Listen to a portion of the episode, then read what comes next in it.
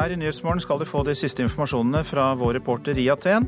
Her i studio har vi med oss sjeføkonom Harald Magnus Andreassen, for vi vil vite hva som skjer når Hellas etter alt å dømme ikke betaler sine avdrag på 13 milliarder kroner i dag. Sverige protesterer etter at Israel stanset en aktivistbåt på vei mot Gaza. Bruk av eh, nye typer våpen har gjort situasjonen enda verre for sivilbefolkningen i Syria, forteller bistandsarbeider. Og her får du høre mer om eh, det vi hørte litt om i Dagsnytt, at astmatikerne er bekymret for tette hus som fører til dårlig luft og mye støv. Ja, vi hørte det i Dagsnytt. I dag forfaller avdraget på vel 13 milliarder kroner som Hellas skylder sine kreditorer.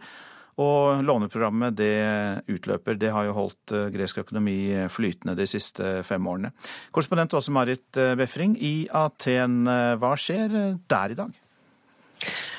Ja, Det er jo selve D-dagen i dag, om man skal kalle det det. Det er dramatisk hva som kommer til å skje i Hellas i dag, når de nå både misligholder dette kjempelånet til eh, Det internasjonale pengefondet. Eh, den greske statsministeren sa i en tale at det ikke vil bli, bli betalt. Det er jo ventet fordi statskassa er bunnskrapt. Og Samtidig så utløper altså dette låneprogrammet som kan gjøre at de klarer å betale alle disse regningene som kommer på løpende bånd. Eh, og eh, Da vil man altså komme i en situasjon der eh, kreditorene ser at Hellas ikke er troverdig som en man kan låne penger til, og det kan også få store konsekvenser videre. Statsminister Alexis Tsipras var på gresk TV i går. Han sa at telefonen hans står på hele tiden i tilfelle kreditorene er klare for å fire på sine krav om reform og kuttforslag. Og kan det bli snakk om nye forhandlinger mellom Hellas og EU? Ja, Om eh, det blir nye forhandlinger, det må i så fall skje etter at folkeavstemningen er avholdt. og Det er også det Alexis Sipras sier.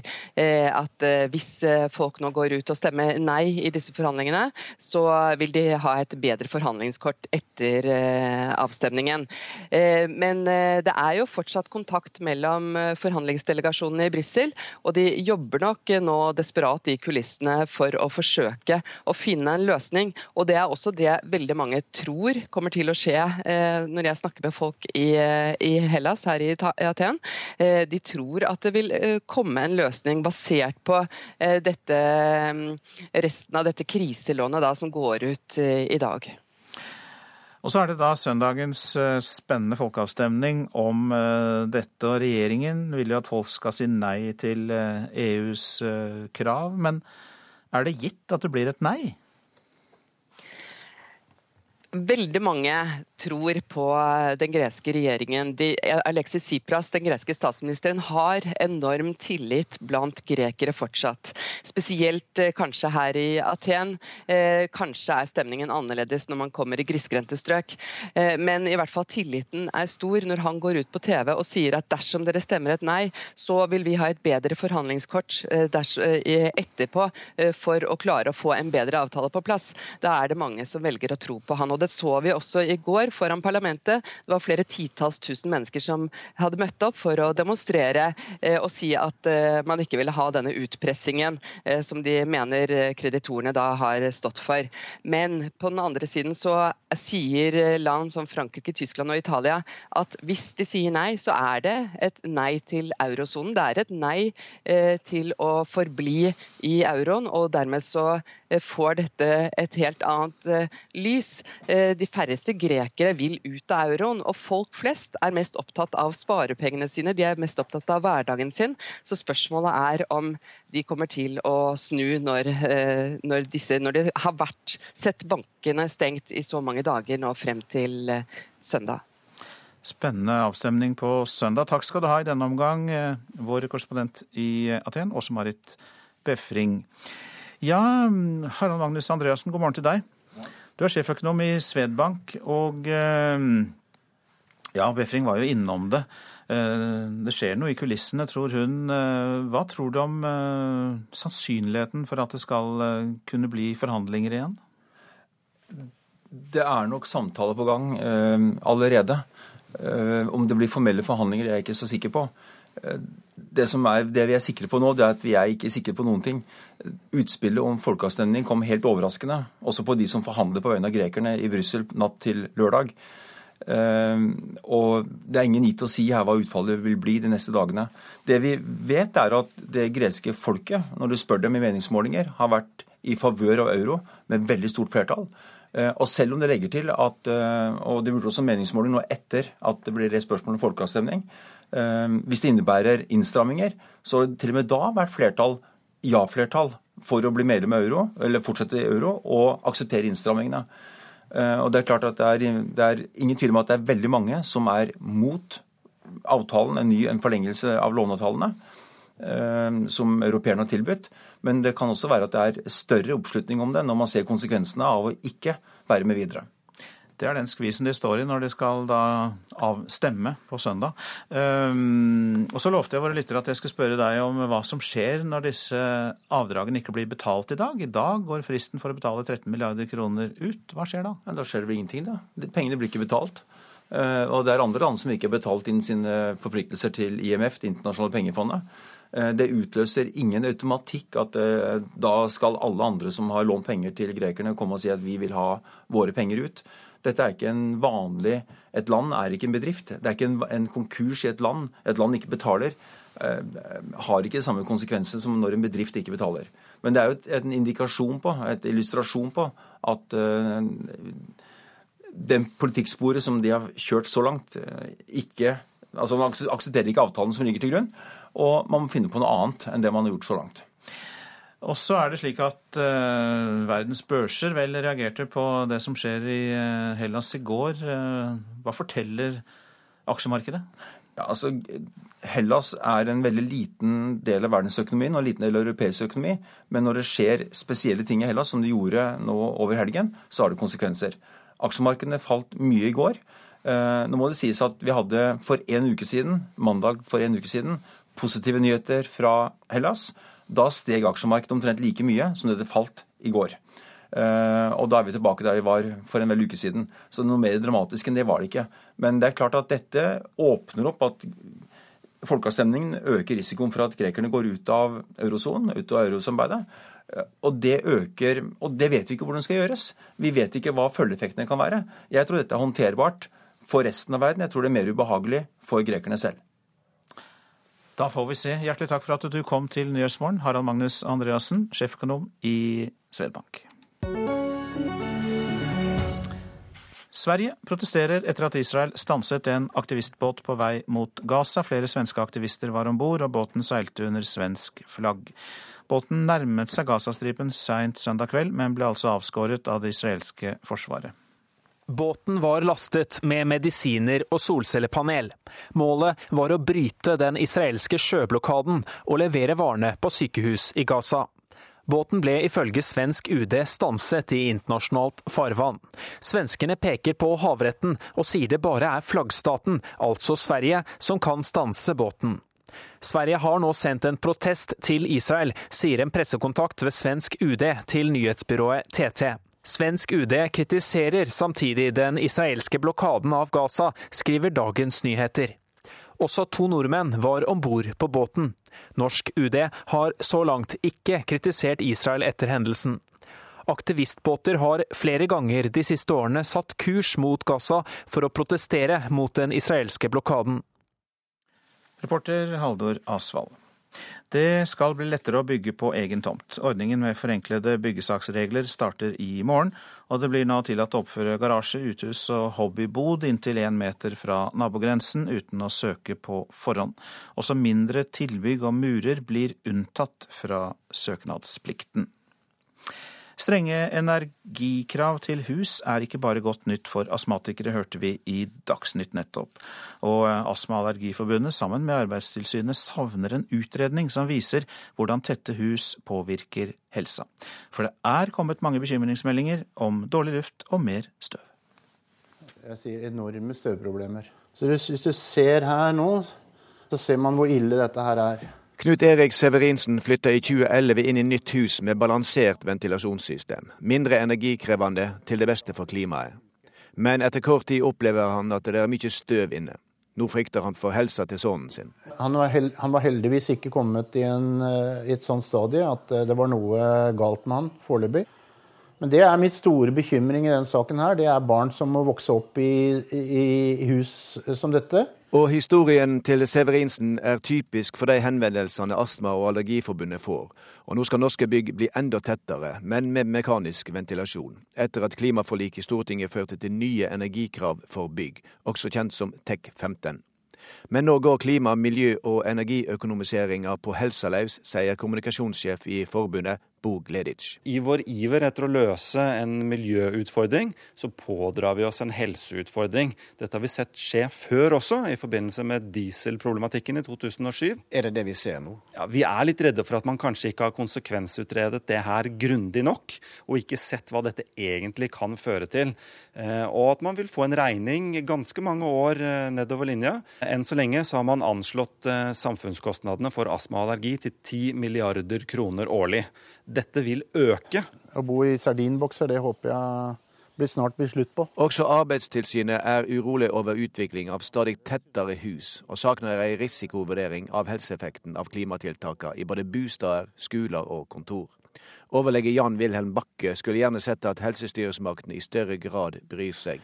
Ja, og dessverre kan man jo også se ut som det kanskje ikke er tilstrekkelig interesse heller for helsemyndighetene. fordi at ingen ser jo ut til å reagere på at man ikke etterlever regjeringens eh, utredningsinstruks på dette med helsekonsekvensutredning for så viktige spørsmål. Han er redd for konsekvensene av tette bygg og lite luft, både for voksne og ikke minst for barna. Og vi vet i dag at barn som utsettes for et dårlig miljø, selv om de aldri røyker, men har hatt astma fra barndommen, så kan de få mye mer kols enn storrøykere som aldri har hatt astma og aldri har hatt den type negative påvirkninger.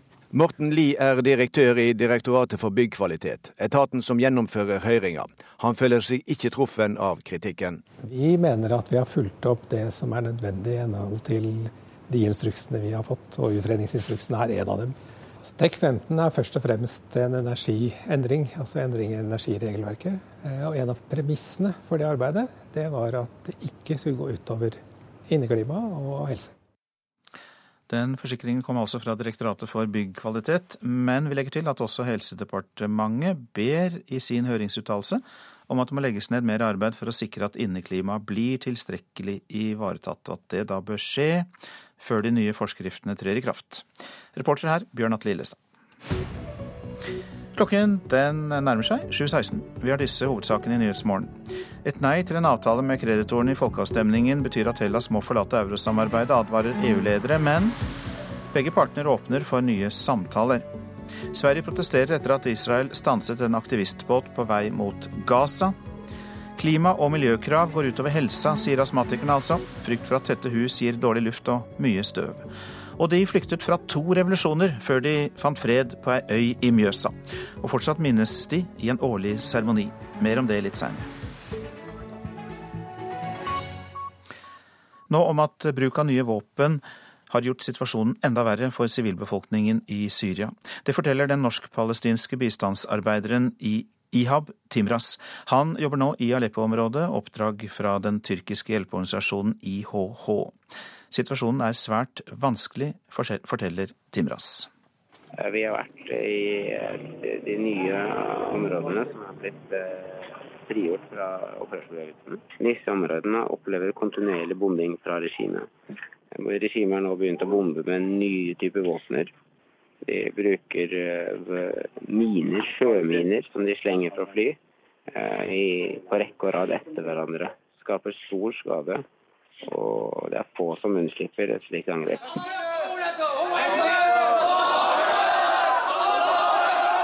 Kaos i en moské i Aleppo. Minst ti mennesker er drepne i et bombeangrep. Every day, every day you, you have to hear it. Some people, your, your relatives, your family have been killed every day. Who is killed today is your hver eneste dag hører vi om folk som blir drepne. Det kan være slekt og familie, en nabo. Det skjer hver dag, sier denne mannen inne i moskeen. Krigen i Syria er inne i sitt femte år. Lidingene er store. Norsk-palestinske Ihab Timras er i Aleppo-området på oppdrag fra den tyrkiske hjelpeorganisasjonen IHH. Han kjenner situasjonen i Syria godt fra flere lignende oppdrag tidligere. Mye bombing og stor sivil nød.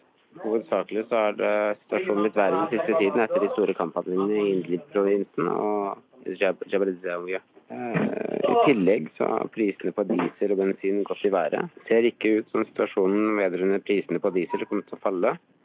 Eh, dette medfører store problemer for det sivile samfunnet. Strøm, bakerier, sykehus. Alle må innstille driften pga. dette.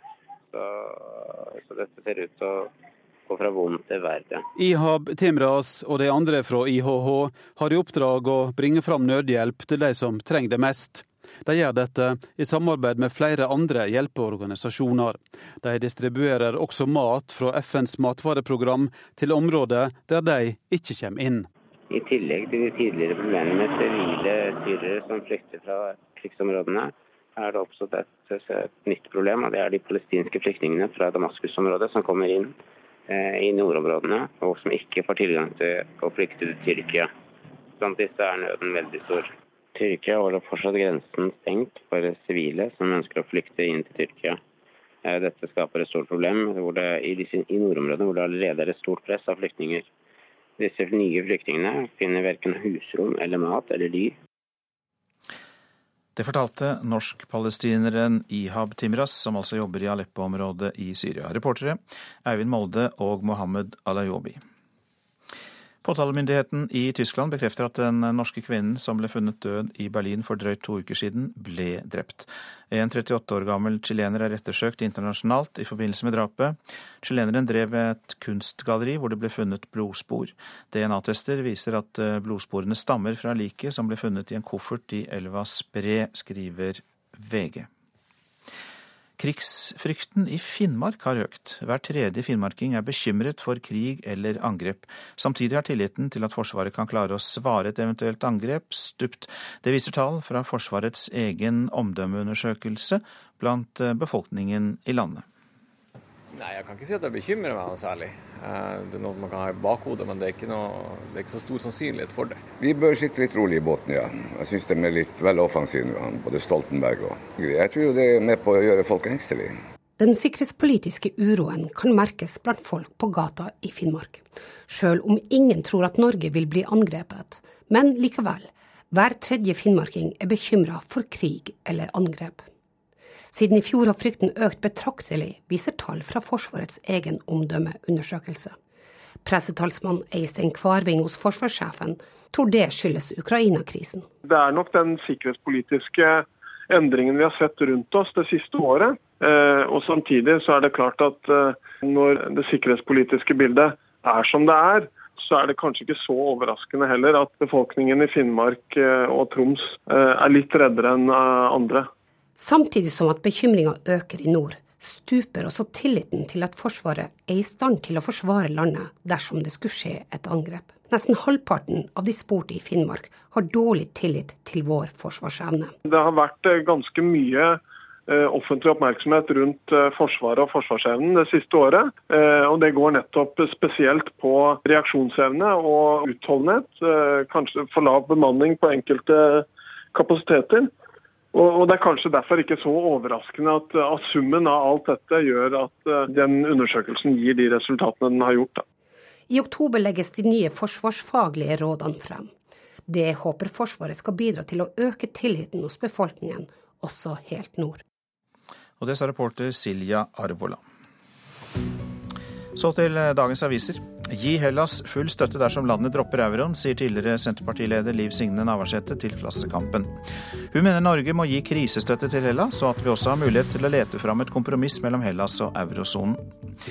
En frekkhet, sier en av Angela Merkels medarbeidere om taktikken til den politiske ledelsen i Hellas. Til Dagens Næringsliv sier finanspolitikeren Norbert Bartle at regjeringen i Berlin har mistet tålmodigheten med Hellas, mens grekerne på gaten i Aten gir EU og tyskerne skylden for den eskalerende krisen. Folk har panikk. Jeg har tatt ut penger så jeg klarer meg i en måned. Det sier grekeren Giannis Metaxas til Aftenposten. Tre klassevenninner fra Oslo dro til Syria i fjor for å bli IS-koner, skriver VG. PST har sendt ut internasjonal etterlysning på én av dem, i frykt for at hun skal gjennomføre en selvmordsaksjon. Norsk politi jager menneskesmuglere, er oppslaget i Dagbladet. Blant de 770 flyktningene som den norske båten Siem Pilot reddet fra Middelhavet i forrige uke, er to personer siktet for menneskesmugling. Endelig er det lov å være flink, sier talentutvikler og fiolinist eh, Stefan Barrat Due til Vårt Land. Talent er ikke lenger et fy-ord, nå er det lov å tenke både spissing og bredde, sier Barrat Due, som mener at en tidlig start på musikkarrieren er viktig for å nå toppen. Jakten på kyllingbakterien fortsetter, skriver Nasjonen. Det er et mysterium hvordan kinolonresistente bakterier kommer, hvor de kommer fra. Det er en bakterie som i verste fall kan føre til at antibiotikaet kinolon ikke kan brukes for å bekjempe alvorlige sykdommer, spesielt infeksjoner som krever langvarig behandling. Mannen har skrudd opp farten igjen. Adresseavisen har satt av førstesiden til fjellmassivet i Romsdal, som fikk mye medieomtale i fjor høst. Med høyere temperaturer øker snøsmeltingen, og faren for at mannen skal rase ut, øker. Men flere av de som bor under fjellet, sier til avisa at de foreløpig tar det med ro. Skru av mobilen og legg laptopen hjemme når du er på ferie. Det er anbefalingen fra Cecilie Skau Andreassen i Bergens Tiden i dag. Hun forsker på hvordan mennesker blir avhengig av Facebook og andre sosiale medier. Ja, kvinnefotballens to storheter møtes i semifinalen i VM i natt. Tyskland er dobbelt verdensmestere, mens USA har vunnet de tre siste OL-titlene. USAs eh, forsvarsspiller Ali Krieger forventer fysisk spill, og håper å kunne utnytte noen av Tysklands svakheter.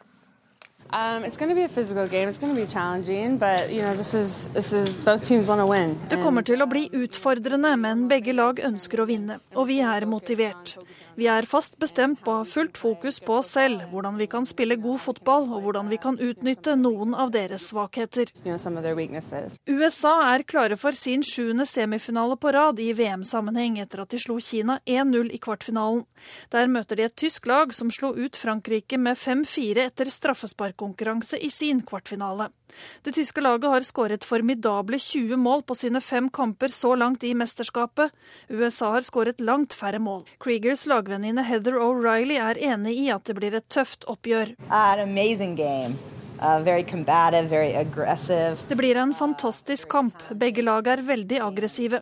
Jeg tror det kommer til å bli mye moro. Begge lagene er også godt forberedt og fulle av selvtillit. Jeg tror det kommer til å bli en stor kamp. Really. Og holder du deg våken så lenge, så kan du høre semifinalen på NRK Sport fra klokka halv ett i natt. Og reporter her, det var Hilde Liengen. Nå til en religiøs seremoni på Helgøya i Mjøsa. På kirkegården ligger rundt 30 russiske flyktninger gravlagt. De fleste var offer for to revolusjoner. På Helgøya levde de sine siste år i ro. Sist søndag var det tid for den årlige påminnelsen om deres liv. Gudstjenesten i Helgøya kirke er over, men i et hjørne av kirkegården starter en annen seremoni.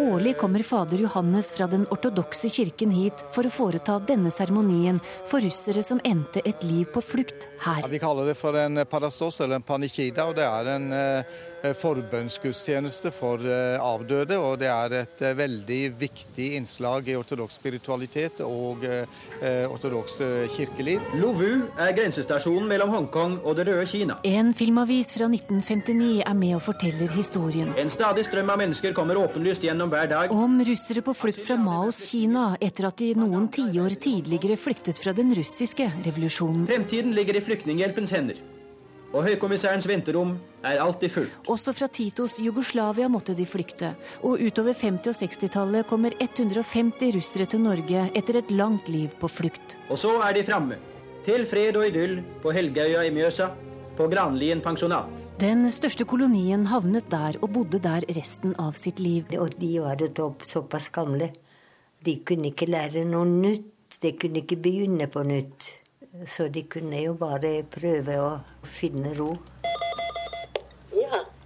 100 år gamle Elena Jacobsen bor på Hamar. Hun jobba som tolk for flyktningene på Granlien. De fleste hadde jo ingen forbindelse og ikke kunne de språk. Og så de var i grunnen en slags isolert øy. Mm. Men de var veldig fornøyde.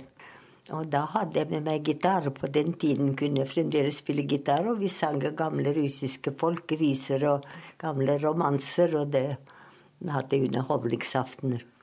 Det var veldig artig. Elena var sjøl russisk flyktning, og mora hennes bodde sine siste år på pensjonatet, så de fant òg mye felles trøst. Ja, vi har grått sammen. Spesielt når jeg sang noen av de gamle romansene. Da tutet vi, hele gjengen. Men tror du de fant roen ute på Helgøya? Ja, ja det, det, gjorde det. Ja. Vel, lengselen blir inne. Det blir man jo aldri kvitt. Innerst inne er det alltid et eller annet vondt flekk. De siste av flyktningene gikk bort på 80-tallet, og nå er det bare de hvite korsene i hjørnet av kirkegården til minne om dem. Et minne fader Johannes er opptatt av må bestå. Kirkens eh, oppgave er å be for alle, også for de avdøde. Så eh, det er, det er, viktig for oss å holde på de tradisjonene, og spesielt for mennesker som, eh, som disse som ligger her, som ikke har noen etterkommere som tar seg av deres minne. Det sa fader Johannes fra Den ortodokse kirken i Norge, reporter Torunn Myhre. Du lytter til Nyhetsmorgen. Hva mener folk i Istanbul om Tyrkias framtid etter valget der presidenten likevel ikke fikk mandat til å styrke sin egen makt? Mer om det i reportasjen etter Dagsnytt. Og i vårt politiske sommerintervju kvart på åtte skal vi til Trondheim.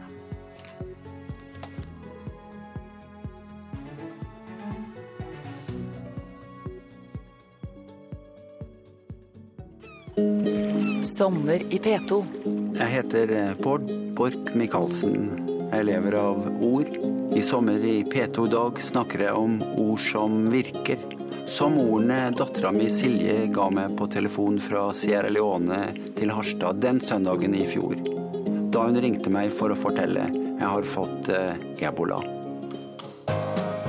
Sommer i P2. I dag klokken ti.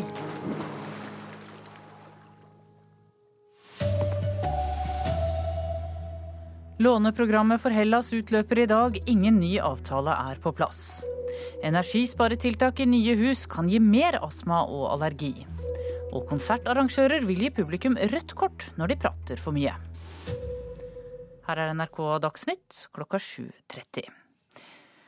Først eh, altså. I dag forfaller avdraget på vel 13 milliarder kroner som Hellas skylder kreditorene sine, et avdrag landet ikke kommer til å betale. Samtidig utløper låneprogrammet som har holdt den greske økonomien flytende de siste fem årene.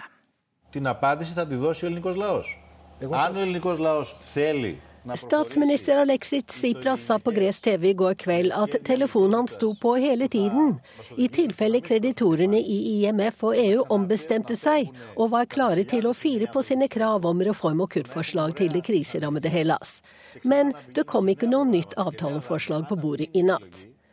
Dersom det ikke blir en avtale i løpet av denne dagen, vil altså Hellas misligholde kriselånet, og det blir slutt på låneprogrammet fra IMF og EU. På søndag skal grekerne holde en folkeavstemning om forslagene som Tsipras allerede har sagt nei til. Men skulle folket i søndagens avstemning i stedet si ja, sier Tsipras at han vil respektere det. Det blir imidlertid ikke jeg som da kommer til å innføre sparetiltakene, sa Tsipras på gresk TV i går kveld. Reporter her var Wenche Eriksen. Korrespondent Åse Marit Befring, du er med oss fra Aten. Hva kommer til å skje i dag? Dagen i dag vil bli helt avgjørende for Hellas sin fremtid, verken mer eller mindre. Dette kjempeavdraget til Det internasjonale pengefondet forfaller. Det blir altså ikke betalt. Det var ventet fordi statskassen er bunnskrapt. Samtidig så går altså fristen ut for å gå med på de kravene til innstramminger som kreditoren har stilt, for å få resten av et kriselån landet trenger for å betale alle løpende regninger. Så eh, det man kommer til å se i dag, er enten at eh, Hellas sier nei også til det, et endelig nei. nei, og dermed så går også dette kriselånet ut og er historie. Ellers så vil man kunne se noe bevege seg. Ja, Kan det realistisk sett bli noen nye forhandlinger nå i siste liten mellom Hellas og EU? Ja, altså, Hva som skjer nå er veldig veldig uforutsigbart. Man har jo sett at det er veldig vanskelig å se eh, hva det neste trekket til Hellas blir. Eh, man jobber nok nå desperat i de siste timene i Brussel for å forsøke å få på plass en løsning. Men eh, det har jo ikke vært noen eh, offentlig, fra offentlig hold så har det ikke vært noen bevegelse. Det har ikke vært uttrykt noe ønske om å finne en løsning de siste par dagene. Så eh, fra Hellas sin side så får vi se hva som skjer. Kort til slutt, Er det gitt at det blir et nei i søndagens folkeavstemning i Hellas? Ja, Den greske regjeringen har jo da, eh, som vi hørte, gitt sin anbefaling, nemlig et nei. Men folk flest er nok veldig opptatt av sin egen trygghet og sin egen hverdag. Og dersom et nei skulle bety at Hellas må forlate eurosonen, så vil eh, de heller ikke ønske dette.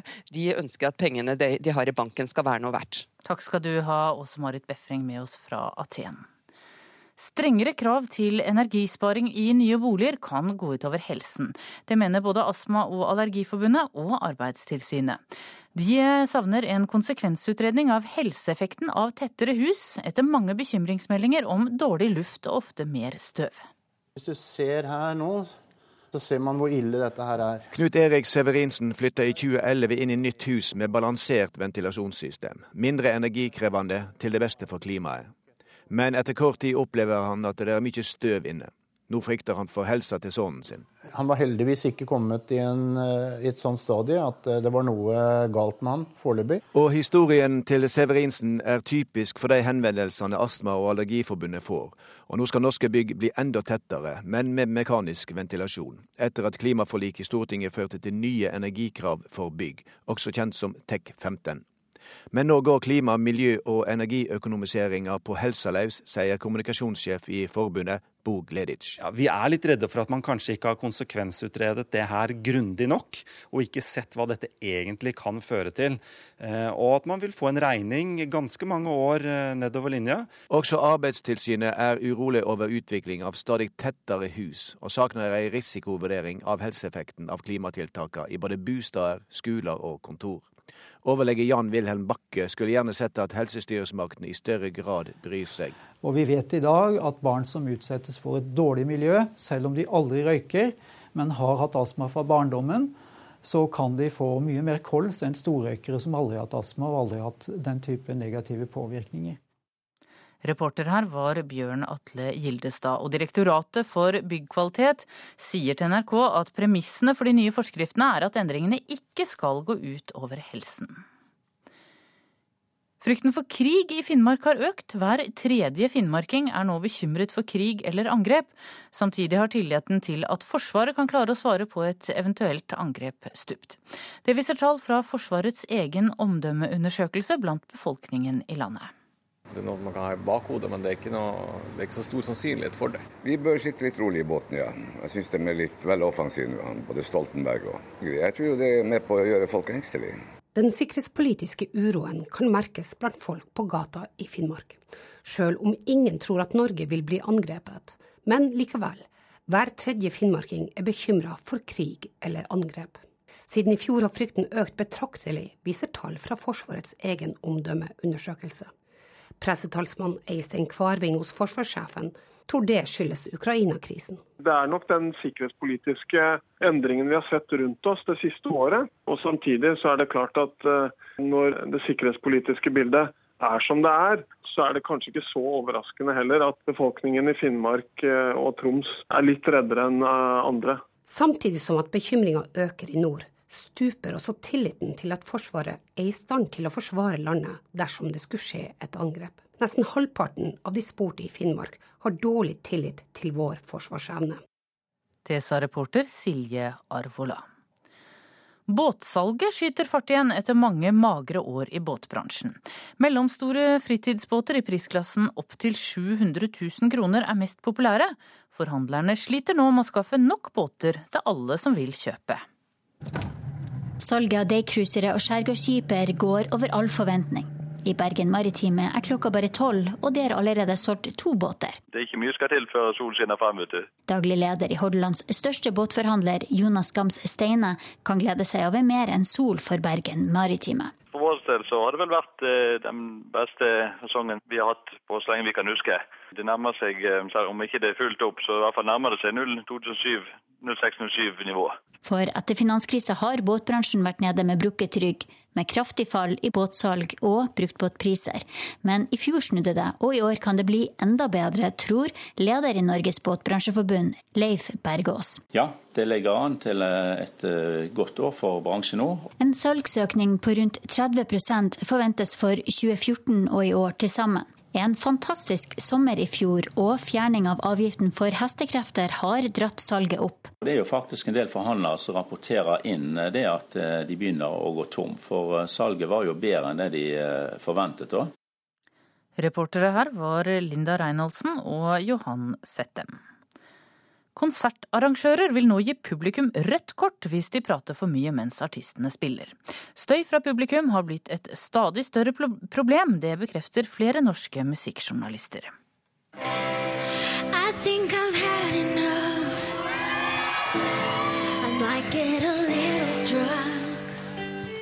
Marit Larsen på scenen på Rockefeller i Oslo. God stemning blant publikum, men under slike konserter er det også mange forstyrrelser, sier Aftenpostens musikkjournalist Robert Hoftun Gjestad. Det, det, virker jo som om nordmenn er på fest mer enn de er på konsert ofte. Han er en av flere musikkjournalister som mener det har blitt altfor mye prating på konserter i Norge. VGs Morten Ståle Nilsen er enig. Kanskje fordi jeg begynner å bli gammel og sur, så har jeg irritert meg mer over det de siste fem årene enn jeg kan huske å ha gjort på noe annet tidspunkt i min konsertgjengerkarriere. Noen av Oslos største klubbscener, deriblant Rockefeller, har nylig satt i gang tiltak mot forstyrrende prating.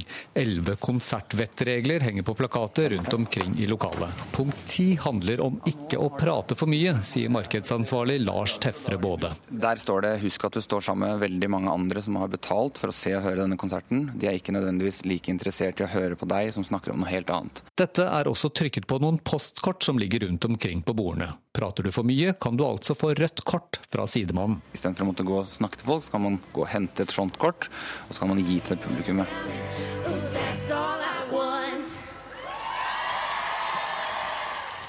Reporter her var Petter Sommer.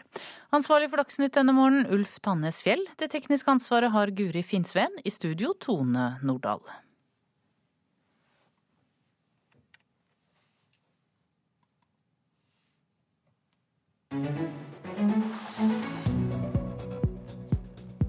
Det er gått tre uker siden valget i Tyrkia, der president Recep Tayyip Erdogans parti vant valget, men tapte opptellingen. Det er tema i Nyhetsmorgen nå.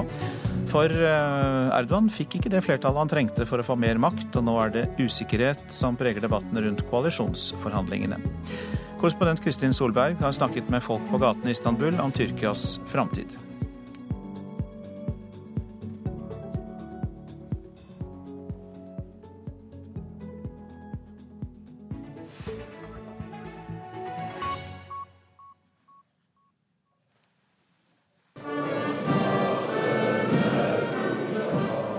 Står rakryggede til nasjonalsangen, de 550 nye folkevalgte som møtes i parlamentet i Ankara for første gang etter valget.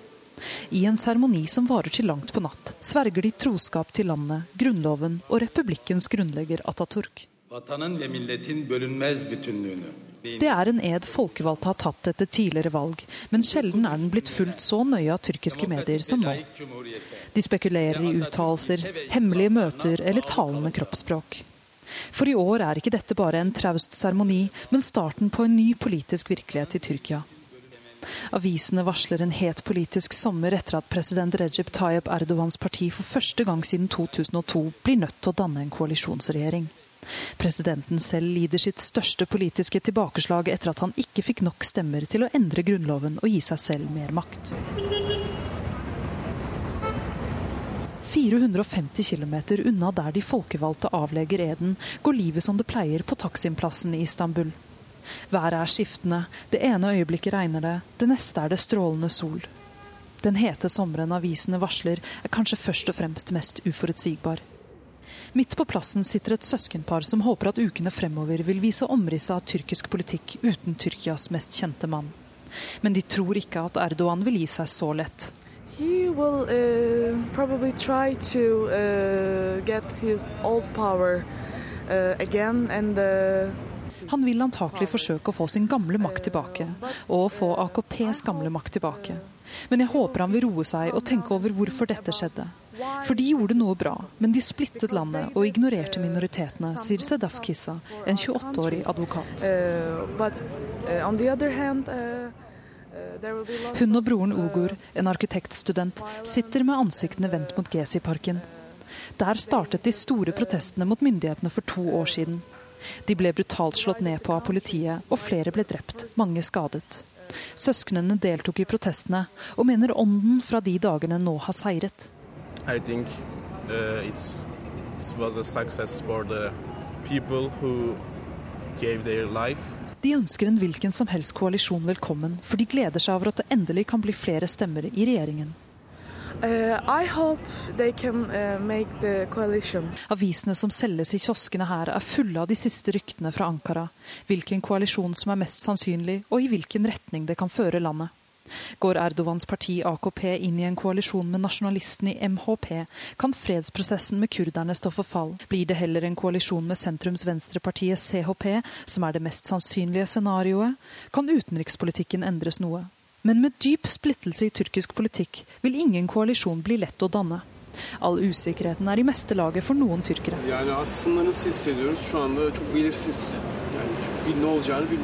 Vi vet ikke hva som kommer til å skje. Derfor har vi blandede følelser etter valget, sier Djengis Duhan, en kaféeier. Blir ikke en koalisjon dannet innen 45 dager, kan Erdogan lyse ut nyvalg. Men meningsmålinger viser at tyrkerne ikke ville stemt annerledes i dag enn de gjorde på valgdagen 7.6. Dermed er gamle fiender nødt til å samarbeide, før eller senere.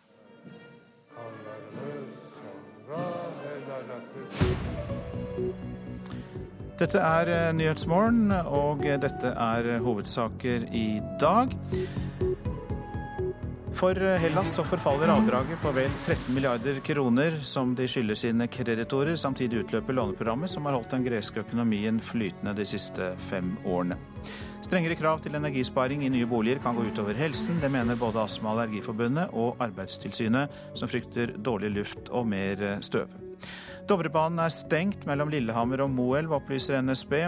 Årsaken er problemer med strømtilførselen. NSB er i gang med å organisere alternativ transport for eh, passasjerene. I sommer møter du noen av politikerne som har kjempet om makt i kommunene ved valget i september. I dag har turen kommet til eh, Trondheim.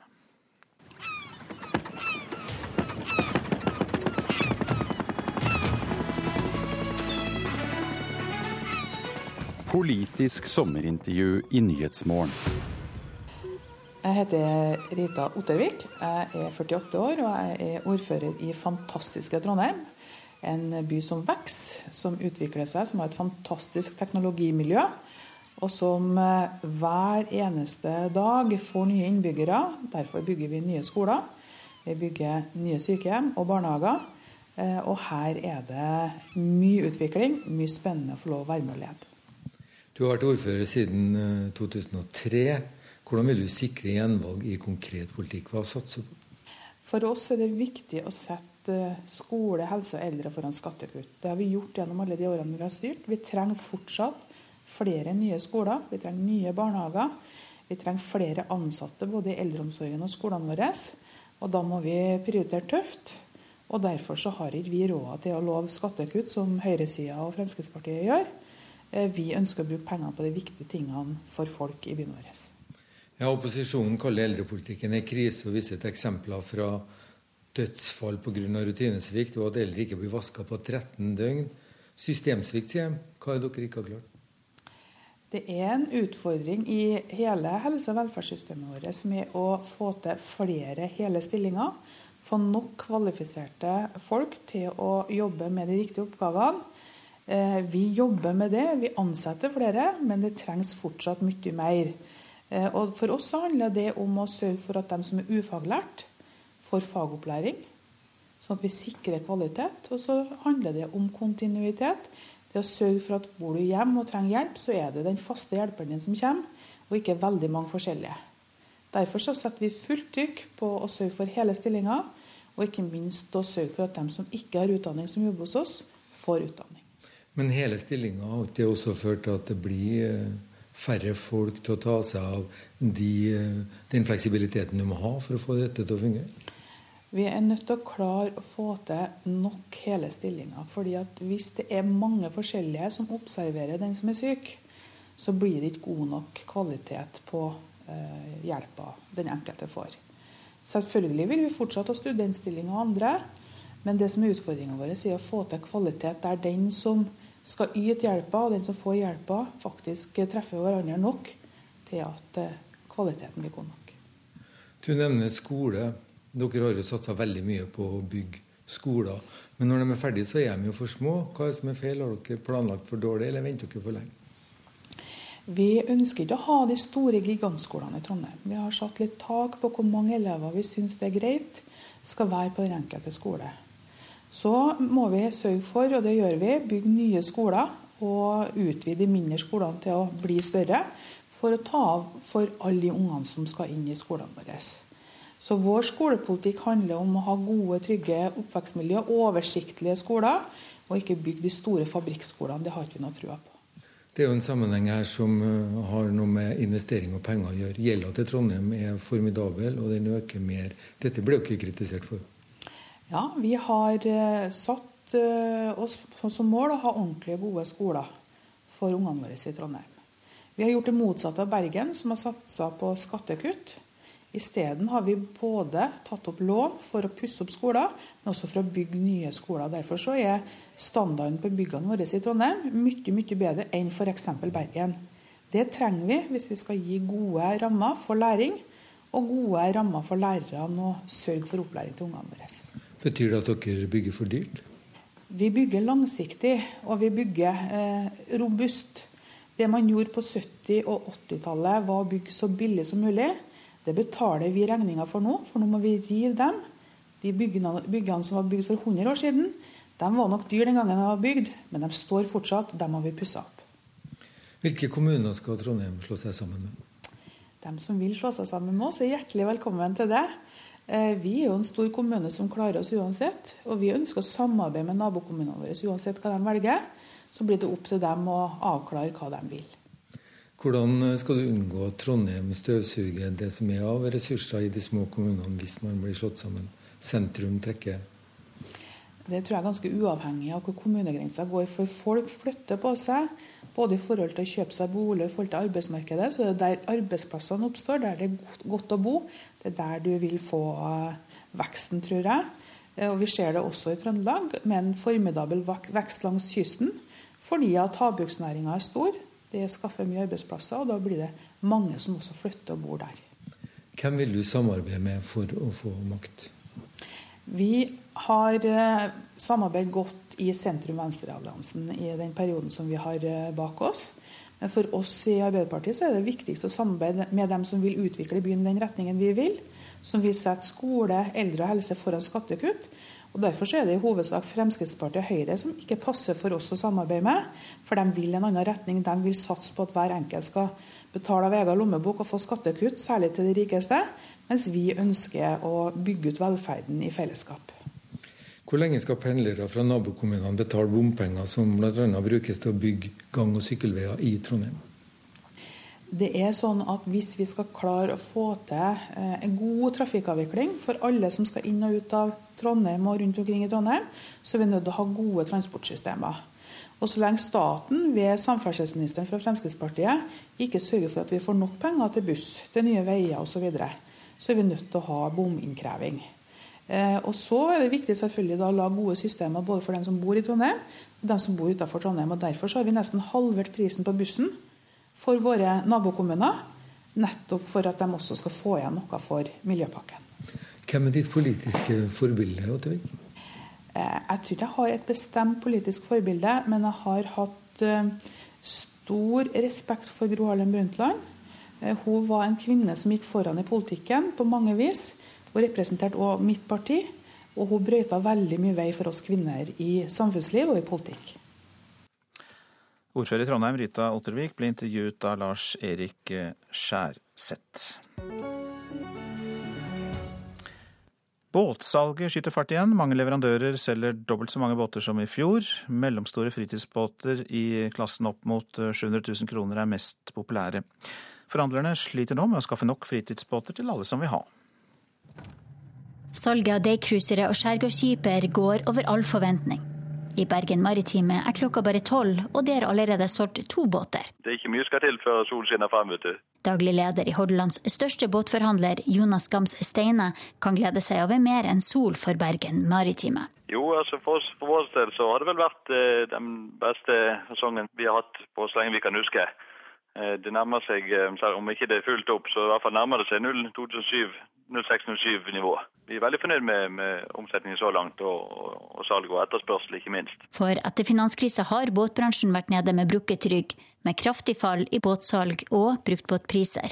Men i fjor snudde det, og i år kan det bli enda bedre, tror leder i Norges Båtbransjeforbund, Leif Bergås. Ja, det ligger an til et eh, godt år for bransjen nå. Og eh, pilene peker oppover igjen, og det er vi veldig glad for. For eh, det er mange år siden det har vært en sånn liv og lyst rundt båt og båtliv i Norge som i år. En salgsøkning på rundt 30% forventes for 2014 og i år til sammen. En fantastisk sommer i fjor og fjerning av avgiften for hestekrefter har dratt salget opp. Uventa mye, forteller Bergås i Norges Båtbransjeforbund Nordbåt. Det er jo faktisk en del forhandlere som rapporterer inn det at eh, de begynner å gå tom. For eh, salget var jo bedre enn det de eh, forventet. da. Det er jo i mellomsegmentet, altså båter fire til syv meter, type skjærgårdsskip, deigcruisere, som står for den hovedsakelige veksten. Prisklasse opp til 700 000. Det er der det er den store farten og eh, salget ligger. I Drammen har Bakken Motor solgt så mange båter i år at de har tatt igjen fjorårets omsetning. Daglig leder Terje Bakken tror fabrikklagrene av nye fritidsbåter nå snart er tomme. Om ikke sluttsolgt hos alle, så tror jeg det begynner å bli ganske så tynt i rekkene hos de fleste forhandlerne av fritidsbåter i Norge. Det tror jeg. Så nå eh, kan utfordringa rett og slett være å få, få tak i den båten man ønsker? Ja, Reportere her Johan B. Settem og Linda Reinholdsen. Ole Henrik Nissen Lie, hjertelig velkommen. Du er redaktør i Maritimt Forlag, gir ut Båtliv, seilas og seilmagasinet. Ja, lav oljepris, økonomikrise. Gjelder liksom ikke krisevarslene for deg og dine likesinnede? Ja, det er et godt spørsmål. Eh, det er travle dager i båtbransjen nå. Eh, som det blir sagt i innslaget her, så er det jo stort sett i eh, klassen båter under 700 000 hvor det store trykket er. I, når det gjelder litt større båter, så er nok markedet fortsatt litt mer avventende. Men hvorvidt vi har tatt inn over oss fall i oljeinvesteringer osv., det, det er jeg litt usikker på. Nordmenn har god økonomi, og, og båtlivet har en lang tradisjon i Norge. Hva er grunnen tror du, til at det er så populært? Det var én leverandør her som hadde allerede nådd fjorårets salg nå? Jo, jeg tror eh, selvfølgelig, som det ble sagt her, at eh, noen gode somre har betydd mye. Bortfall av avgifter, hestekreftavgiften i fjor, eh, har også spilt inn. Men så har det også gått lang tid siden det ble solgt mye båter, så det er litt utskiftning. Det er kommet ny motorteknologi, nye utenbordsmotorer, som er mer drivstofføkonomiske, mer miljøvennlige osv. Så, videre. så det er litt utskiftning på gang også. Du nevnte jo det at eh, det først og fremst er båter opp til 700 000. Det ble jo sagt i innslaget her også. Men, men, er det noen eh, interessante trender? For den har jo alt mulig, altså fra kano og småbåt helt til svære havseilere? Ja, absolutt. Og, og, nå er jo en klar trend eh, når det gjelder salget, er jo skjærgårdsskipper og daycruisere. Altså båter som ikke er veldig store, men som du kan dra på dagsturer og kanskje overnatte en helg i. Um, Ellers så har jo kajakk vært også en trend i eh, noen år nå. Litt som man ser på fjella og på ski også, at folk er sporty. Så det har vært, eh, vært stor interesse for padling. Den er enkel og grei. Den kan du jo nesten bare hive opp på taket av bilen. Veldig bra. Og det er så mange fine steder i Norge man kan, som man kan oppleve, også med enkle farkoster. Mm. En periode så holdt jo båter seg ganske godt i pris, så vidt jeg vet. Men uh, hvordan er egentlig båter som investeringsobjekt?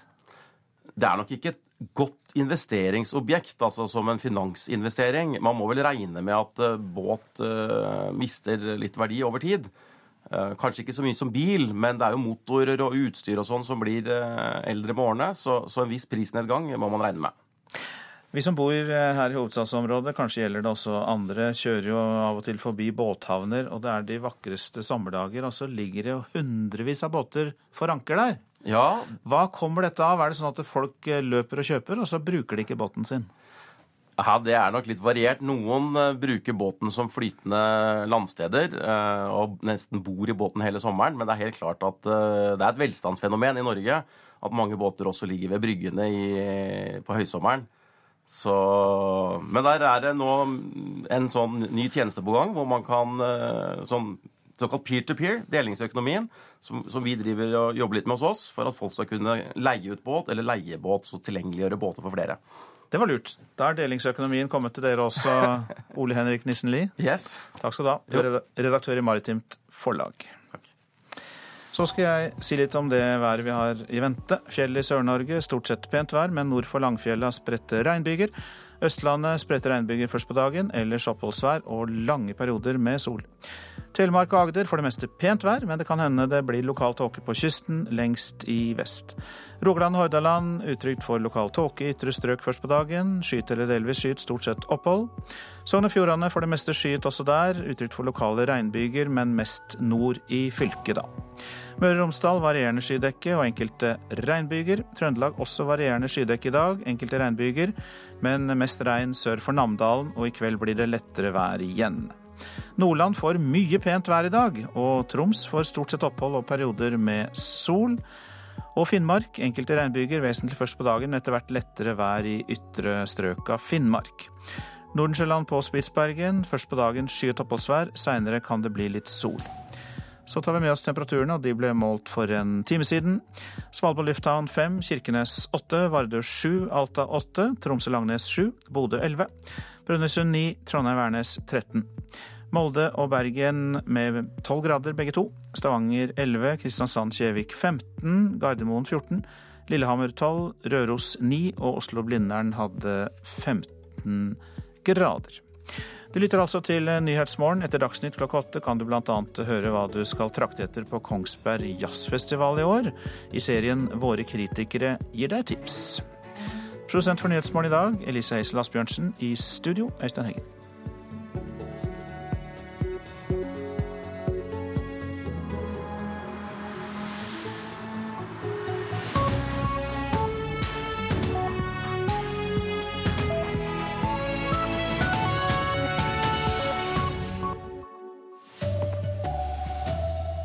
Betalingsfristen for Hellas går ut i dag. Det pågår trolig fortsatt samtaler med EU. Og Hurtigruten investerer i nytt skip for første gang på ti år. Her er NRK Dagsnytt klokka åtte. I dag forfaller avdraget på vel 13 milliarder kroner som Hellas skylder kreditorene sine, et avdrag landet ikke kommer til å betale. Samtidig er det planlagt en folkeavstemning der grekerne skal si ja eller nei til en låneavtale med EU. Statsminister Alexis Tsipras har allerede sagt nei til avtalen. Trolig er det fortsatt kontakt mellom Hellas og EU, det sier sjeføkonom Harald Magnus Andreassen i Svedbank. Det er nok samtaler på gang allerede. Om det blir formelle forhandlinger, er jeg ikke så sikker på. Det vi er sikre på nå, det er at vi er ikke sikre på noen ting. Utspillet om folkeavstemning kom helt overraskende, også på de som forhandler på vegne av grekerne i Brussel. Det vi vet, er at det greske folket, når du spør dem i meningsmålinger, har vært i favør av euro med veldig stort flertall. Men det er klart at folkeavstemningen øker risikoen for at grekerne går ut av eurosonen, ut av eurosamarbeidet. Og det vet vi ikke hvordan skal gjøres. Vi vet ikke hva følgeeffektene kan være. Jeg tror dette er håndterbart for resten av verden. Jeg tror det er mer ubehagelig for grekerne selv. Og kontantkrisen i Hellas gjør at turister som ønsker å besøke Akropolis for første gang nå kan betale med kort. Kulturdepartementet i Hellas insisterer på at turister som vil se monumenter som det berømte Pantheon-tempelet, ikke skal straffes for at Hellas går tomt for kontanter, og derfor installeres det nå kortautomater.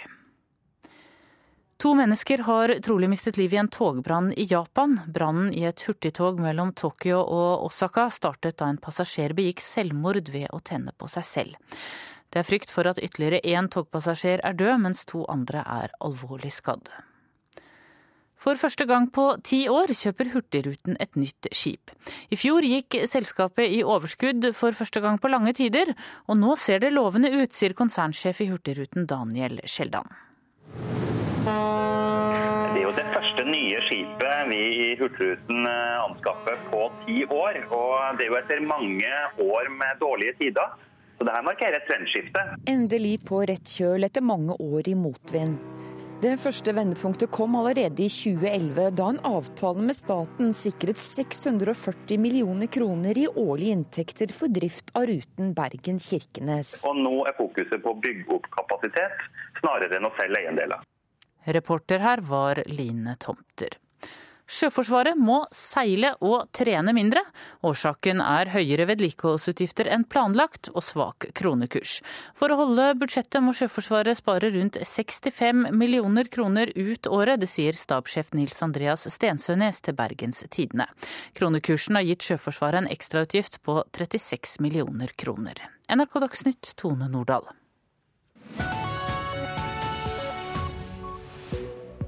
Nyhetsmorgen fortsetter med disse sakene. Hellas' statsminister Alexis Tsipras tror ikke landet kommer til å bli tvunget til å forlate euroen.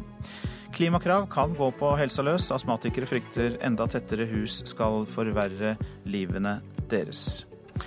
Og vi hørte om det i Dagsrevyen i går. Prat og bråk fra publikum på konserter. Men hva kan artister og arrangører gjøre med det? Og her eh, kan du høre hva du skal trakte etter på Kongsberg Jazzfestival i år. Våre kritikere gir deg nemlig gode tips. Ja, Hellas statsminister Alexis Tsipras tror ikke landet kommer til å bli tvunget til å forlate euroen. Den europeiske delen av eh, Hellas' låneprogram utløper altså i dag, og det står fortsatt igjen 7,2 milliarder euro i programmet som ikke utbetales uten at greske forpliktelser følges opp med reformer og kutt.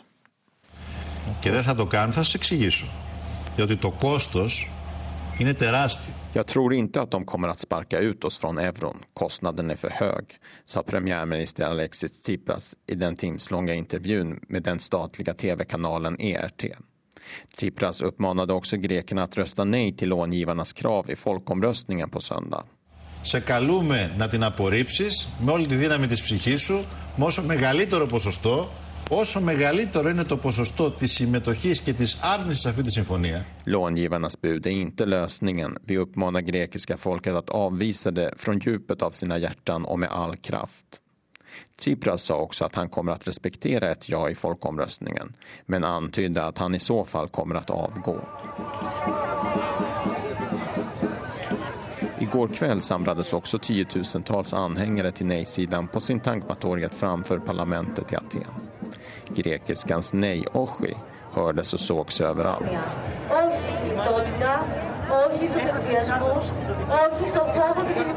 Till slut ska folket säga nej till utpressning, nej till underkastelse, sa en av talarna framför parlamentet där många viftade med den grekiska flaggan i skymningssolen.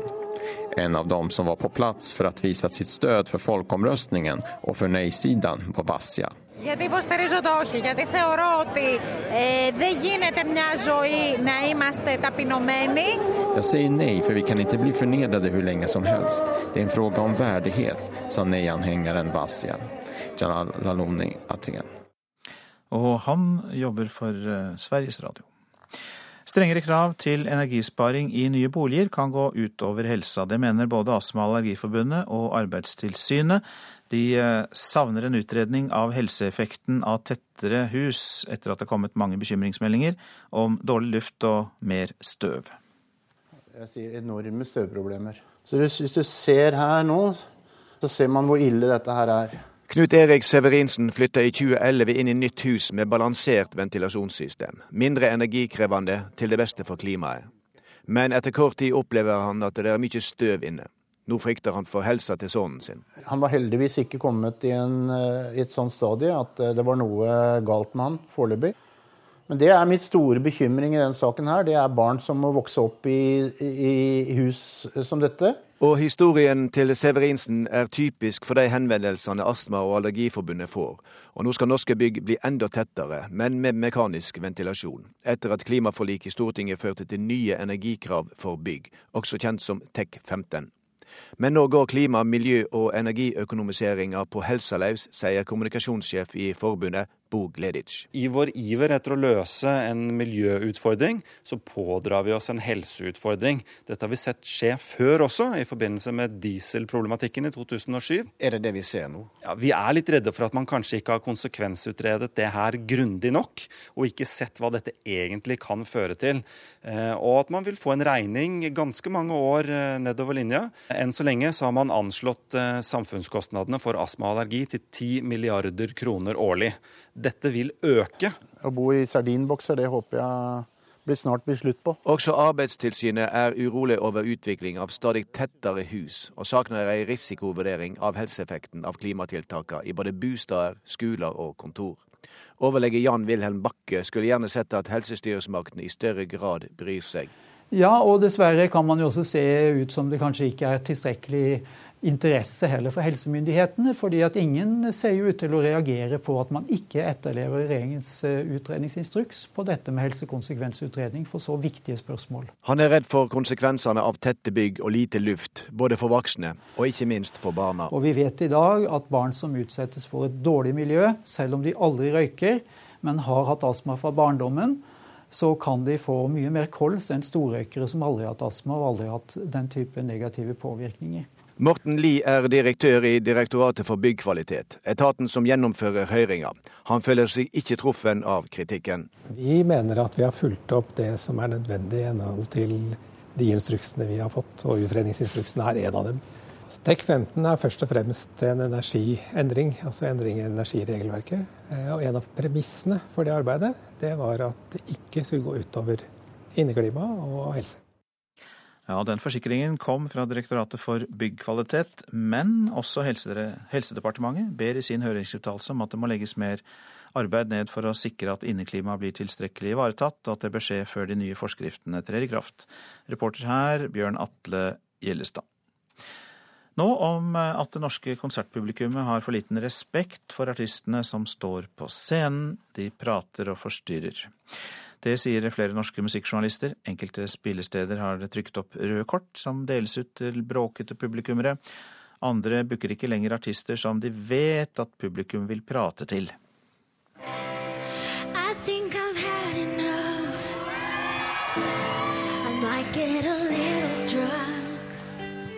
Marit Larsen på scenen på Rockefeller i Oslo. God stemning blant publikum, men under slike konserter er det også mange forstyrrelser, sier Aftenpostens musikkjournalist Robert Hoftun Gjestad. Det, det, virker jo som om eh, nordmenn er på fest mer enn de er på konsert ofte. Han er en av flere musikkjournalister som mener det har blitt altfor mye prating på konserter i Norge. I Norge er vi kanskje mer opptatt av å høre hva kompisen ved siden av har gjort siden forrige gang vi møttes, og, og det er jo litt dumt den praten må ikke gå an å tas et annet sted. VGs Morten Ståle Nilsen er enig. Kanskje fordi jeg begynner å bli gammel og sur, så har jeg irritert meg mer over det de siste fem årene enn jeg kan huske å ha gjort på noe annet tidspunkt i min konsertgjengerkarriere. Det er mye verre enn før. Sier Arild Rønnsen. Det er fryktelig forstyrrende, og det er utrolig irriterende. I Dagsrevyen i går sa flere artister, deriblant Egil Hegerberg, at de synes det er vanskelig å spille når publikum prater. Når jeg spiller med bare elgeband, aleine med kassegitar, og hvis folk da soner helt ut og prater med hverandre istedenfor å følge med, så er det ekstremt uh, slitsomt, og det gjør at det er veldig vanskelig å konsentrere seg om det man holder på med. Noen av Oslos største klubbscener, deriblant Rockefeller, har nylig satt i gang tiltak mot forstyrrende prating. Elleve konsertvettregler henger på plakater rundt omkring i lokalet. Her henger det, for eksempel. Punkt ti handler om ikke å prate for mye, sier markedsansvarlig Lars Tefre Både. Der står det 'husk at du står sammen med veldig mange andre som har betalt for å se og høre denne konserten'. De er ikke nødvendigvis like interessert i å høre på deg som snakker om noe helt annet. Dette er også trykket på noen postkort som ligger rundt omkring på bordene. Prater du for mye, kan du altså få rødt kort fra sidemannen. Istedenfor å måtte gå og snakke til folk, så kan man gå og hente et sånt kort, og så kan man gi til publikummet. Men det er også sammenheng mellom hvor mye publikum prater og hva slags artister som står på scenen. Det fikk Buktafestivalen i Tromsø merke for noen år siden. Vi hadde Jayhawks på festivalen. Og etterpå så var vi vel egentlig ganske enige om at det ikke funka så bra. Rett og slett fordi at det er et band som ja, rett og slett blir litt sånn skravla i hjel av publikum, da. Sier festivalsjef Robert Dyrnes. Hendelsen med Jayhawks førte til at de måtte sile ut visse artister i årene etterpå. Vi har takka nei til artister også fordi vi sjøl har vurdert at det er en potensiell fare for at publikum kan prate for mye. Da. Men det er ikke alle som er enig i at prating på konserter er et stort problem. Nils Heldal i Stereofestivalen i Trondheim er en av dem. Heller vil jeg si det at eh, jeg syns at publikum har vært litt for rolig. Jeg skulle gjerne sett mer følelser, mer bråk. Og om det blir mye prating, er det rett og slett artistene og ikke nødvendigvis publikum som må skjerpe seg, mener han. For å være veldig, veldig brutal, så er jo det også en kommunikasjon til artisten. Da er ikke det som skjer på scenen nok interessant til at eh, vedkommende holder kjeft.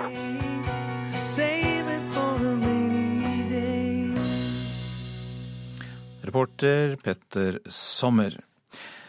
Velkommen, Mats Borch Bugge. Takk for det. Du er musikksjef i P3 her i NRK. Ja, Manglende respekt, skravla i hjel, prat og surr. Er det grunn til å bli utrolig irritert, som Arild Rønsen sa i dette innslaget? Det er klart det er irriterende hvis man har kjøpt billett til et band man har gledet seg til å se, eh, dersom folk rundt står og skravler om uinteressante ting. Eh, samtidig så er det viktig å huske på at eh, norske publikummere eh, har veldig mange konserttilbud, og vi nordmenn går veldig mye på konsert. Det handler om at vi har god økonomi. Eh, så konsertarenaen er på mange måter blitt et møtested for eh, alle typer aldersgrupper, egentlig. Og da eh, er det naturlig at man eh, tar opp hvordan man har det, og hva man måtte synes om eh, ting rundt seg der og da. Og så tenker jeg også at um, sosiale medier er uh, et aspekt her som uh, er viktig å uh, belyse. Og det, det, handler jo om at folk er interessert i å dokumentere alt de har vært her, og prater da om det de opplever, og tar bilder av hverandre osv., som også genererer prat. Um, jeg tror også dette handler litt om eh, sjanger, egentlig. At i, altså, i takt med at folk er blitt mindre opptatt av spesifikke sjangere, så går folk på ulike typer konserter med ulike sjangeruttrykk, som også gjør at dersom man har vært en del på konserter med uh, en type um, kulturell oppførsel som norm, så vil noen oppleve at andre bryter disse, nettopp fordi de ikke er vant til det. Så der man tidligere hadde folk som kun gikk på visekonserter. Så har man i dag folk som går på eh, metallkonserter, eh, folkkonserter, hiphopkonserter etc. Det fine er jo at uh, det er mer variasjon, hører jeg på deg, og flere som går på konsert. Men når situasjonen da er slik, i og for seg positiv, uh, bør nærmest artistene komme med en pratebruksanvisning? At de selv sier at nei, helst vil vi at dere ikke bråker og surrer for mye? Altså, Det er jo noe som kan være med å fange publikums oppmerksomhet, så jeg tenker at det kan være en, en god ting, egentlig. Eh, Heldal er jo inne på noe viktig her eh, og sier at artistene bør skjerpe seg. Det er eh, hardt sagt, men samtidig så er det viktig å, å, understreke at artistene har et visst ansvar for å underholde. Folk har mindre tålmodighet enn tidligere, forventer å bli underholdt fra første sekund. Og det er artistenes ansvar å sørge for at, at folk blir grepet, og så må man finne måter å gjøre det på. Jeg har ikke noe tro på sånne eh, sterke formaninger fra utestedenes side. Rødt kort f.eks. syns jeg høres rett og slett veldig flaut ut. Ehm, men jeg tenker at det går an å tilrettelegge konsertlokalene eller festivalområdene, sånn at man kan ha soner hvor det er greiere å prate. En generell regel er at hvis du vil få med deg konserten, så går du foran. Eh, da hører du og får med deg det meste uansett. Så du tror ikke det er så lett å oppdra publikum med å gå rundt og vise fram røde kort, nei? Nei, jeg tror ikke det. Og jeg tenker også at uh, alternativet her er halvtomme lokaler. Uh, hvis det blir for strengt å skulle gå på konsert, så, så, tenker jeg at det er enda verre. Det er jo kult at folk går på konserter i Norge og fyller lokaler i hele landet. Men Du var jo inne på det, selvfølgelig. Men er det da typer musikk, om du kan si litt mer om det, som ja, innbyr litt mer til surr og prat enn annen type musikk? Nei, Det er klart det at artister som Unni Wilhelmsen, som uttalte seg på Dagsrevyen i går, eh, vil eh, selvfølgelig eh, lide mer under dette fordi hun spiller et, eh, en type musikk som, som krever eh, større ro i publikum, ofte. Mens eh, band som Mastodon f.eks., som spiller hardtslående metal, ikke krever det. Så det er jo, dette her handler jo veldig om hva slags uttrykk man har, og hvilken energi man på en måte etablerer i lokalet. Og de som spiller den aller roligste musikken, vil alltid være de som lider mest. Da får vi gå på konsert, Mats Borch Bugge, og ha dette i bakhodet. Det høres ut som en fin oppsummering. Takk skal du ha. I like måte. Musikksjef i P3. Dette er Nyhetsmorgen, og klokka den er 8.17 der, faktisk. Vi har disse hovedsakene. I dag forfaller avdraget på vel 13 milliarder kroner som Hellas skylder sine kreditorer. Samtidig utløper låneprogrammet som har holdt den greske økonomien flytende de siste fem årene. Strengere krav til energisparing i nye boliger kan gå utover helsen. Det mener både Astma- og Allergiforbundet og Arbeidstilsynet. De frykter dårlig luft og mer støv. Og eh, Dovrebanen er stengt mellom Lillehammer og Moelv. Årsaken er problemer med strømtilførselen. NSB er i gang med å organisere alternativ transport.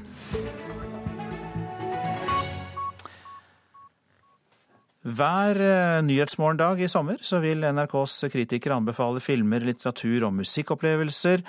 Tirsdag eh, blir det musikk, det er i dag, og først ut er programleder Tine Skolmen. Hun skal dekke Kongsberg Jazzfestival, som åpner i morgen. Og min kollega Ugo Fermelelo ba henne plukke, plukke ut tre ting fra årets program som er verdt å legge merke til, og da handler det nettopp om det som går på tvers av sjangrene. Det kalles for Poesioasen, og det er altså lyden av Prøysen. Og det er jazzpianisten Helge Lien, en mann som ja, han har Spellemannpriser og spiller med Silje Nergård bl.a. blant annet. Og han um, fikk et bestillingsverk under Prøysen-jubileet i fjor. Og da hadde han lyst til å skrive nye melodier på mange av de fine tekstene.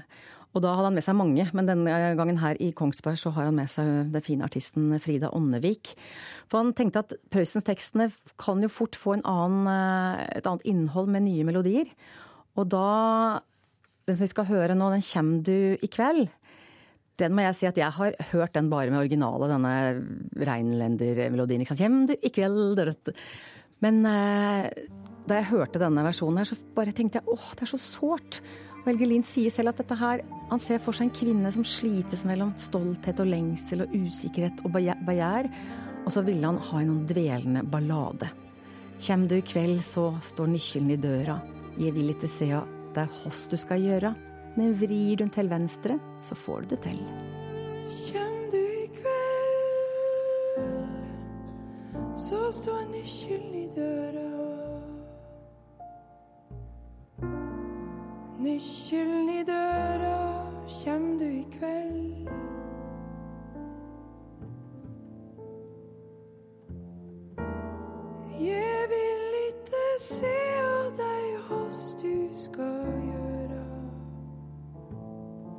Frida Ånnevik og Helge Lien og Prøysen. Ja, det er så fint, og det er så trist, og det er så vakkert.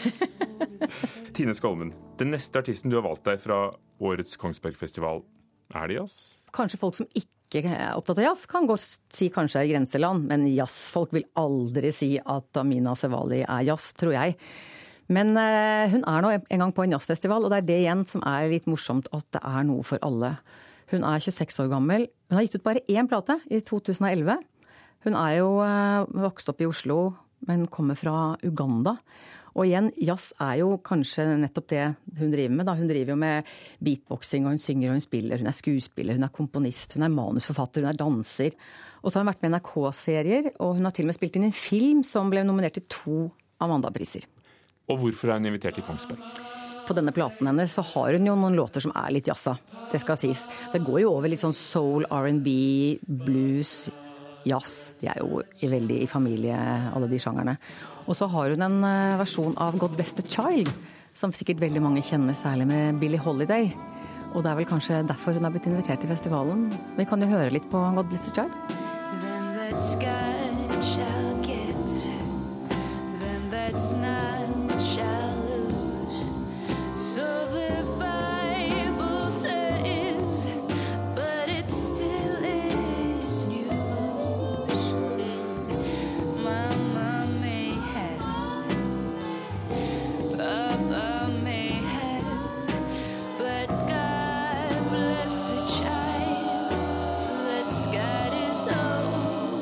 litt et spenn av det du har valgt deg fra årets Kongsbergfestival, Tine Skolmen. Ja, nå har vi hatt uh, Prøysen, og så hadde vi nå da Amina Sevali. Og så er det jo selvfølgelig Altså, vi kaller det god, gammeldags jazz. Nå kommer vi dit. Og det, vi må ha det. Og det, da tenkte jeg det, ja, vi må ha den virkelig en av de store bautaene i norsk jazz. 70-årsjubilanten, bassisten Bjørn Alterhaug. Han eh, skal jo også til Molde litt senere i sommer, sammen med den svenske vokalisten Victoria Tolstoy, som han har skrevet et bestillingsverk. Men til Kongsberg så kommer han med kvintetten sin, rett og slett. Bjørn Alterhaug kvintett. Og Bjørn Alterhaug, mange kjenner sikkert navnet hans. Han har spilt med storheter som Clark Terry og Willy Connitz og Chet Baker blant annet, og selvfølgelig alle norske jazzartister. Han har eh, undervist i over 40 år og var en av ildsjelene bak den berømmelige jazzlinja i Trondheim. Og så har han alltid vært interessert i denne forbindelsen mellom den europeiske kunstmusikken og da den såkalte mm, amerikanske sangboka, altså denne klassiske standardjazzen. Og han skriver veldig vakker melodisk musikk. Det har han gjort i mange mange år. Han kom med en plate som het Ballads for veldig mange år siden. Og så kom da denne kvintetten som eh, skal spille på Kongsberg, eh, kom en plate for ikke så veldig lenge siden, like før jul. På denne plata Innocent Play, som jeg tenkte vi kunne høre litt på, for de som ikke får med seg eh, Bjørn Alterhaug i Kongsberg. Så er han veldig inspirert, Bjørn Alterhaug har alltid vært veldig inspirert av de store klassiske komponistene.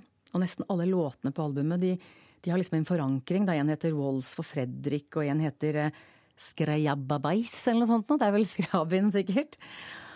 Men jeg tenkte kanskje at vi kunne høre på den som heter Omage a Giuseppe. Det må være Verdi. Det er Verdis rekviem, og da forteller han at han satt i Nidarosdomen i Trondheim eh, da han var student på 60-tallet. Og fikk altså en sånn en vanvittig opplevelse av rekviemet. Og det er, sånn, det er ca. fem takter i musikken. Sånn 40 sekunder ute i kyrien der, så er det fem takter. Og de har han siden sittet og analysert, for det, det, han ble paralysert da han hørte dem. Og de taktene, de, eh, det er liksom stammen av det vi skal eh, høre nå.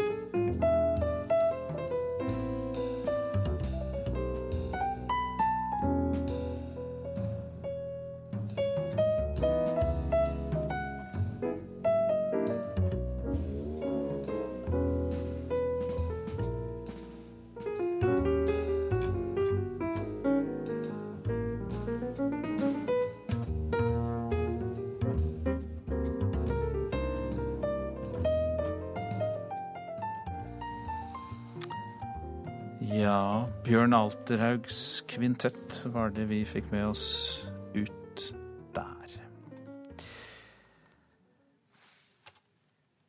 Mer ekstern produksjon, redusert orkesterbemanning og redusert prøvetid for de enkelte forestillingene, det er noen av tiltakene som blir vurdert for å bøte på en svært vanskelig økonomisk situasjon for Den norske opera og ballett. Det melder Dagsavisen i dag.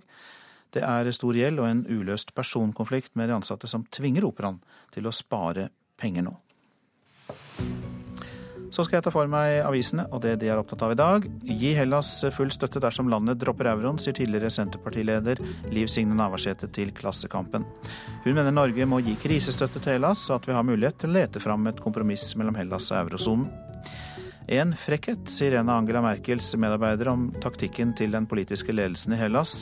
Til Dagens Næringsliv sier finanspolitikeren Norbert Bartle at regjeringen i Berlin har mistet tålmodigheten med Hellas, mens grekere på gaten i Aten gir EU og tyskerne skylda for den eskalerende krisen. Folk har panikk. Jeg har tatt ut penger så jeg klarer meg i en måned, sier grekeren Giannis Metaxas til Aftenposten. Tre klassevenninner fra Oslo dro til Syria i fjor for å bli IS-koner, skriver VG. PST har sendt ut en internasjonal etterlysning på en av dem, i frykt for at hun skal gjennomføre en selvmordsaksjon.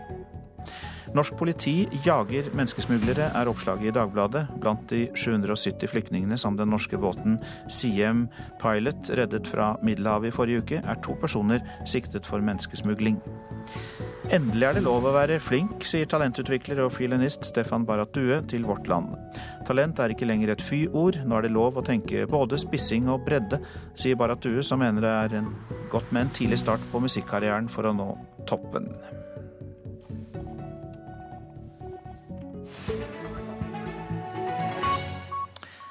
En ny lov om arbeidsmiljø trer i kraft denne uka. Aldersgrensen i arbeidsmiljøloven økes fra 70 til 72 år. Det har vært en kampsak for mange som ønsker å stå lenger i jobb, og flere rettssaker har vært avholdt. Asbjørn Moen på 71 er en av mange som ønsker å være i jobb etter fylte 70. Den her har ikke jobba ja, Asbjørn Moen sitter på kontoret sitt på Vitenskapsmuseet og forteller om en lang karriere som forsker. Han har jobbet på NTNU siden 1971 han ble ansatt i den første stillingen ved noe universitet i Norge der naturvern var sentralt.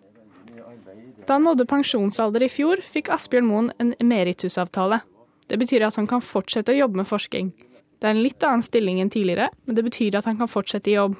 Det er viktig. Ja, det betyr veldig mye, for jeg har jo hatt eh, jobben som en form for livsstil. Tidligere har grensa vært på 70 år, nå skal folk kunne bli i jobb til 72. Mange bedrifter har også en intern aldersgrense på 67 år. Denne skal økes til 70. Jeg syns ikke samfunnet har råd til å pensjonere folk tidlig på 60-tallet og når de er 70. Jeg syns gjerne man kunne beholde folk som har kompetanse og kapasitet noe lenger.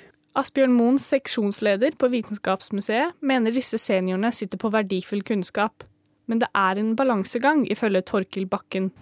Kunnskapen som de som går av med pensjon har, er jo stor. Den er opparbeida over veldig lang tid. I mange tilfeller kunnskap som det ønsker å videreføre. Samtidig så er jo forskning og kunnskapsutvikling hele tida i endring. Man ønsker at flere seniorer eh, skal stå i arbeid, fordi at man trenger kompetansen og arbeidskrefta. Det sier regiondirektør i NHO, Merete Storødegård. De informerer om de nye reglene, men ønsker et litt annet fokus. Vi har vært uenig i det i utgangspunktet, fordi vi mener at utfordringa i dag er jo at flere går av på 62. Sant? De tar ut eh, AFP og øh, gjør andre ting. Sånn at vi hadde jo ønska oss en fokus på dem, vi. De som slutter tidlig og fram til, til 67 og 70. Men hva betyr det for folk flest at de oppfordres til å stå i arbeid?